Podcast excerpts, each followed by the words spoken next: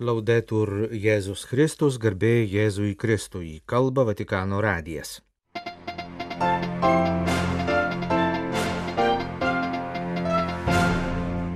Popiežius Pranciškus Mongolijoje sekmadienio rytą vyko ekumeninis ir tarp religinis susitikimas.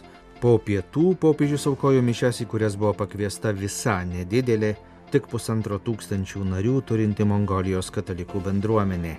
Laidos pabaigoje apžvelgsime, kas interneto svetainėse ir spaudoje buvo rašoma apie praėjusios savaitės bažnyčios Lietuvoje gyvenimo įvykius.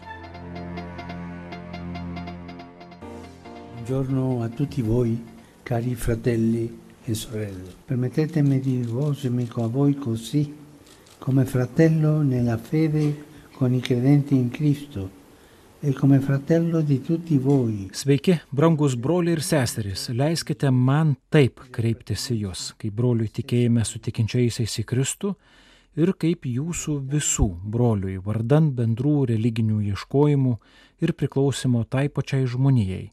Sekmadienio ryto susitikime su Mongolijos religinių bendruomenių atstovais sakė popiežius Pranciškus. Pasak jo, religiniu jausmu pasižyminčią žmoniją galima lyginti su keliaujančia klajoklių bendruomenė, žvelgiančia į dangų. Priminė seną mongolų istoriją, kadaise jų valdytos imperijos sostinėje stovėjo įvairių religijų maldos namai, Pranciškus pabrėžė harmoniją, Azijoje itin svarbę savoką. Tai toks santykis tarp skirtingų tikrovių, kuris nei užgužė, nei suvienodina bet leidžia gyventi kartu, gerbent skirtumus ir visų labui. Kas jei netikintieji yra labiausiai pakviesti darbuotis dėl harmonijos. Fratelli e sorelle, da quanto riusciamo ad armonizzarci con gli altri pellegrini sulla terra e da come riusciamo a diffondere armonia lì dove viviamo, si misura la valenza sociale Broliai, seserys, pagal tai, ar mums sekasi kurti harmoniją su kitais piligrimais žemėje? Ir kaip mums sekasi skleisti ją ten, kur gyvename, yra matuojama mūsų religingumo socialinė vertė, pastebėjo popiežius Pranciškus. Šiuo požiūriu kiekvienam žmogui, ypač tikinčiam, svarbus konkretus altruizmas, kuris taip pabrėžiamas ir budizmo, ir krikščionybės tradicijose Altruizmas kuria harmoniją už šį savitarpio supratimą, gerovę ir, kaip yra pasakęs Gandhi, grožį. Ir priešingai, uždarumas, vienpusis primetimas, fundamentalizmas, ideologinis spaudimas ardo brolybę, maitina įtampas, paplauna taiką. Religijos pašauktos siūlyti pasauliui tokią harmoniją, kurios technologinė pažanga negali pasiekti, nes domėdamasi vien žemiškąją, horizontaliąją žmogaus dimenciją, rizikuoja pamiršti dangų, kuriam esame sukurti. Be to, kaip liudija daugybė neteisingumo ir degradavimo situacijų visuomenėje ir gamtoje, pažanga dažnai painiojama su nuosmukio. L'Asia ha moltissimo da offrire in tal senso e la Mongolia, che di questo continente si trova al cuore, custodisce Šiuo požiūriu Azija gali daug pasiūlyti, o šio žemynų širdyje esanti Mongolija turi didžiulį išminties paveldą, kurį padėjo sukurti čia paplitusios religijos ir kurį norėčiau pakviesti visus atrasti ir įvertinti, sakė popiežius. Rengdamasis kelioniai į Mongoliją, jis buvo sužavėtas tradicinių mongoliškų palapinių, kuriuose atsispindi per tūkstančius metų sukaupta išmintis.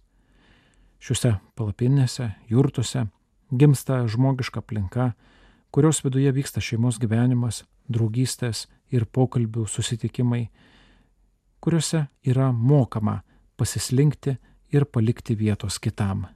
Tačiau be žmogiškos erdvės tradicinėje palapinėje galima pamatyti ir užuominą apie atvirumą gyvybei. Jos centre yra anga šviesai, nuo kurios išsišakoja tarsi spinduliai palapinės konstrukcija o šešėlio slinktis leidžia nustatyti valandą. C'è un bel insegnamento in questo, il senso del tempo che scorre giunge dall'alto, non dal mero fluire delle attività terrene. Tame yra gražus mokymas. Laiko tikmės pojūtis ateina iš aukšto, o ne iš paprastos žemiškos veiklos. Tam tikrais metų laikais iš viršaus prasiskverbiantis spindulys apšviečia namų altorių, primindamas dvasinio gyvenimo pirmumą. Taigi žmonių sambuviai apskritoje erdvėje nuolatos priminamas vertikalus, transcendentinis, dvasinis pašaukimas, pastebėjo popiežius. Tai gali būti ir susitaikiusios bei klestinčios žmonijos, kurios taikos ir teisingumo siekis remiasi santykių su dievybės simbolis. Qui, cari sorelli e fratelli, la nostra responsabilità è grande. Čia, broliai ir seserys, mūsų atsakomybė yra didelė, ypač šią istorijos valandą, nes mūsų elgesys turi iš tikrųjų patvirtinti mokymą, kurį išpažįstame. Jis negali jam prieštarauti ir tapti skandalo priežastimi, sakė Pranciškus pabrėžęs, jog negalima painioti tikėjimo su prievarta, sakralumo su primetimu, religinio kelio su sektantizmu. Jis taip pat kreipėsi į budistų bendruomenės labai nukentėjusias praeitie ir palinkėjo, kad tamsios žaizdos virstų šviesos šaltiniais. Prievartos klasta gyvenimo išmintimi, greunantis blogis kūrinčių gėrių. Taip tebūnė ir su mumis, entuziastingai savo atitinkamų dvasinių mokytojų mokiniais ir sąžiningais jų mokymų tarnais. Chiesa Cattolica vuole camminare così, credendo fermamente nel dialogo ecumenico, nel dialogo interreligioso, nel dialogo culturale. Tokiu keliu nori eiti katalikų bažnyčia, tvirtai įsitikinusi ekumeninio tarp religinio ir kultūrinio dialogo verte. Dialogas neprieštarauja skelbimui, jis nesulygina skirtumų, bet padeda juos suprasti, išsaugoti jų savitumą ir leidžia jiems saveikauti dėl nuširdaus ir abipusio praturtėjimo. Taip dangaus palaimintoje žmonijoje galima atrasti raktą, kaip eiti kartu žemė. Bendra kilmė visiems suteikia vienodą orumą, dalinamės keliu, kuriuo galime keliauti tik kartu, gyvendami po tuo pačiu mus gaubiančiu ir apšviečiančiu dangumi. Nors tai gali atrodyti utopija, tačiau didieji įvykiai prasidėjo nuo beveik nepastebimų dalykų, priminė popiežius Pranciškus, kviesdamas viltis tuo ir broliškai dirbti dėl šios vilties.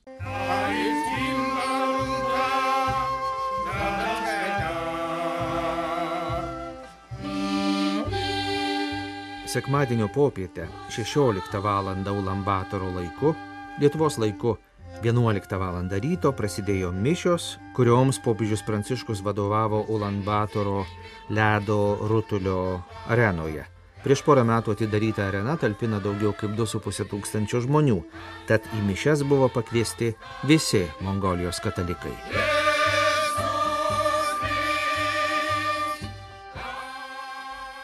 Dieve, mano gyvastis tavęs ilgisi, mano kūnas tavęs trokšta, kaip sausa žemė. Šie sekmadienio mišių psalmės žodžiai lydi mūsų kelionę per gyvenimo dykumas. Pradėdamas mišių homiliją sakė popiežius. Tačiau mus keliaujančius per sausringą žemę pasiekia geroji žinia. Nel nostro cammino non siamo soli. Le nostre aridità non hanno il potere. Savo kelionėje nesame vieni.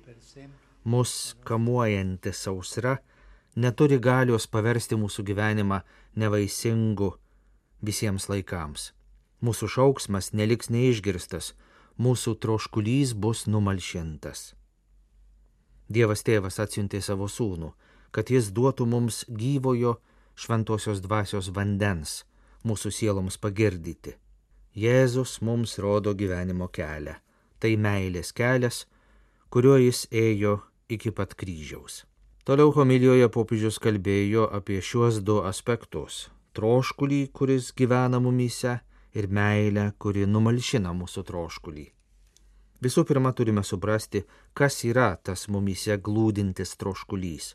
Pasak popiežiaus, šis jausmas gerai pažįstamas Mongolijos tikinčiųjų bendruomenės nariams, žinantiems, kas yra kelionės nuovargis.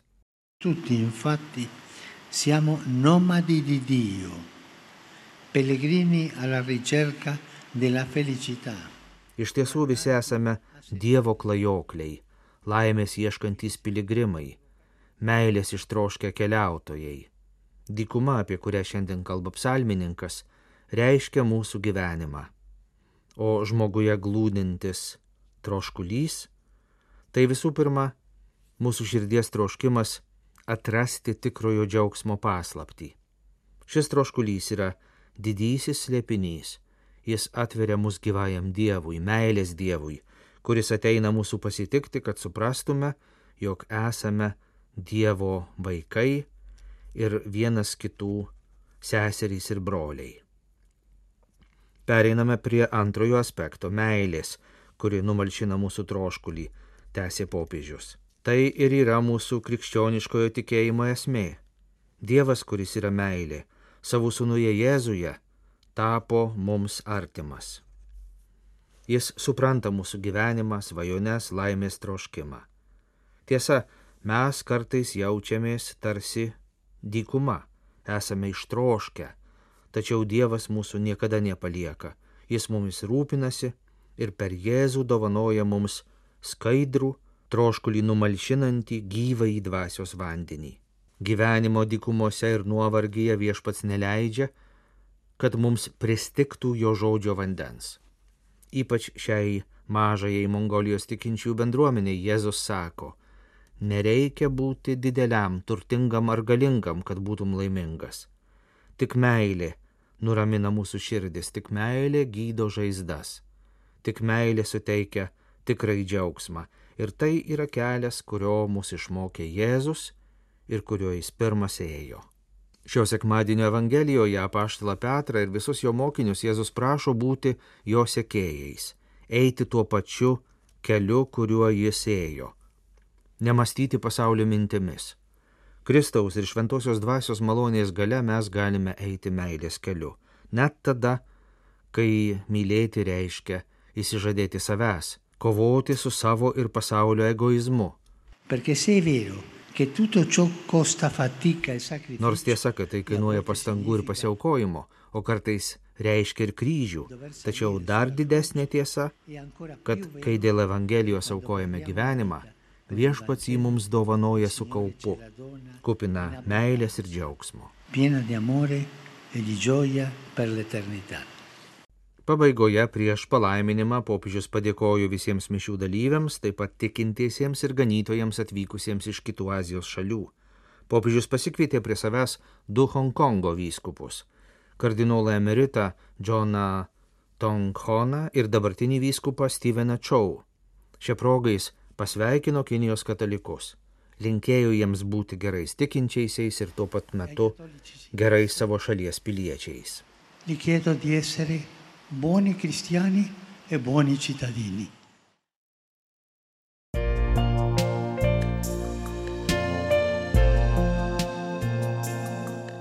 Jūs klausotės Vatikano radio.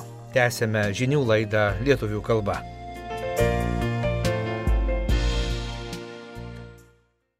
Mūsų bendradarbis Kastantas Lukėnas apžvelgia, kas interneto svetainėse ir spaudoje buvo rašoma apie praėjusios savaitės bažnyčios Lietuvoje gyvenimo įvykius. Paskutinį rūpiučio sekmadienį Šiluvos apylinkėse tradicinė piligrimystė dėkota už Lietuvos laisvę ir nepriklausomybę. Iškilmingai Euharistijai pilnoje Šiluvos bazilikoje vadovavo arkivyskupas Kestutis Kievalas, Homiliją pasakęs Šiaulių vyskupas Eugenijus Bartulis minėjo Euharistijos bičiulių sąjūdį ir žmonės, nors tiesiogiai patyrusius sovietų valdžios represijas, vis dėlto tikėjusius laisvos Lietuvos viltimi. Ketvirtadienį iškilmingais mišparais prasidėjo Trakų Dievo motinos Lietuvos globėjos atlaidai. Šeštadienį Vilniaus arkiviskupijos jaunimas pėsčiomis keliavo iš aušros vartų į Trakus. Jauniesiems piligrimams mišės aukojo kardinolas Audrys Juozas Bačkis. Pasitinkant pagrindinę atlaidų dieną, sekmadienį, Trakų bazilikoje per naktį vyko švenčiausiojo sakramento adoracija. Pagrindinę atlaidų dieną mišės aukojo arkivyskupas Gintaras Grušas. Po telšiuose vykusių stojamųjų egzaminų paskelbti duomenys apie studijuosiančius kunigų seminarijose. Prieimimo komisijos nutarimu šeši iš aštuonių kandidatų buvo priimti į seminariją. Keturi iš jų nuo šio rudens pradės pasiruošimą kunigystėj Lietuvos seminarijų propedeutinėme kurse telšiuose, o du pradės filosofijos studijas Kaune. Apie kunigiškojo pašaukimo paieškas rašoma ir rugsėjo artumoje. Čia kalbinami įpusėję ugdymo kelią seminaristai ir jų ugdytojai kunigai. Drąsiame ir atvirame pokalbėje seminaristai dalyjasi savo pašaukimo istorijomis ir mintimis, kaip nesusviruoti, kai viešumoje nuskamba su bažnyčia siejami skandalai. Prasidedant mokslo metams, Bernardinų dienraštyje kalbinama neseniai paskirta Šventojo Juozapo teologijos instituto direktorė teologė biblistė Ingrida Gudauskenė. Ji paaiškina Šventojo Juozapo teologijos instituto ryšį su trimis kunigiškojo ūkdymo vietomis. Telšių seminarijoje mokomasi parengiamajame kurse Kauno seminarijoje dviejus metus studijuojama filosofija, o nuo trečio kurso Vilniaus seminarijoje mokomasi teologijos. Šventojo Juozapo teologijos institutas rūpinasi intelektiniu klierikų ugdymu, vykstančiu trimis minėtais etapais. Pasak Šventojo Juozapo teologijos instituto direktorės, naujosius mokslo metus pradeda 22 klierikai, dar keturi mokysis parengiamajame kurse telšiuose. Laikraštėje 21 amžius gausų pasakojimų apie šventinius renginius Lietuvos parapijose paskutinį vasaros mėnesį. Tarp kitų įspūdžių pasakojama apie įsimintinus rūpjūčio sekmadienius Jurbarke, kur švesti Šventojo Roko atlaidai, o paskutinį sekmadienį švenčiausiosios trejybės bažnyčioje vyko ekumeninės pamaldos. Jos visada būna per miesto šventę, prašant palaimos Jurbarko rajono gyventojams.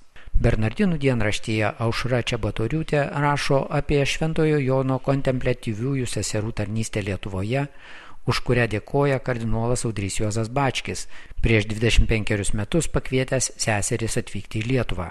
Rūpiučio pabaigoje jaunieji maltiečiai šventė veiklos 30-mečio sukaktį.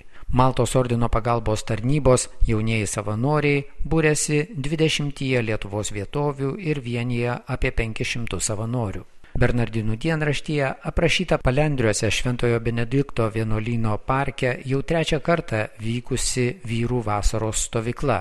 Į ją iš Lietuvos miestų ir miestelių susirinko net 120 vyrų. Lietuvos viskupų konferencijos delegatas užsienio lietuvių katalikų sielovadai arkivyskupas Lionginas Virbalas lanko lietuvius Latino Amerikos valstybėse. Savo kelionės įspūdžiais iš Brazilijos ir Argentinos jis dalyjasi užsienio lietuvių selovadai skirtoje svetainėje, taip pat Bernardinų dienraštyje. Lietuvo žiniasklaidoje ir socialiniuose tinkluose nemalonūs komentarai lydėjo popiežiaus pranciškaus improvizuotus žodžius, išsakytus po parengtos kalbos Sankt Peterburgė susirinkusiems jauniesiems Rusijos katalikams. Po perskaitytos kalbos improvizuoto priedėlio žodžiuose daugelis pagrįstai išvelgė imperinės Rusijos propagandą.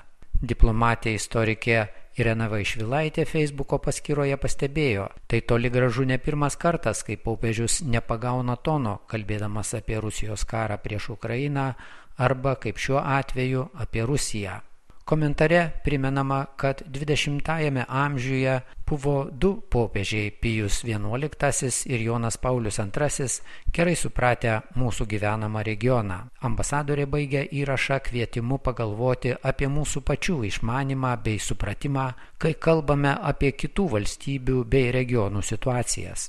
Kitas jos įrašas Facebooko juostoje dar lakoniškesnis. Cituoju, neįsivaizdavau, kad pasaulyje toks neklystančio popiežiaus poreikis ir ypač jo reikia netikintiems. Iš Kauno Vatikano radijui Kastantas Lukėnas.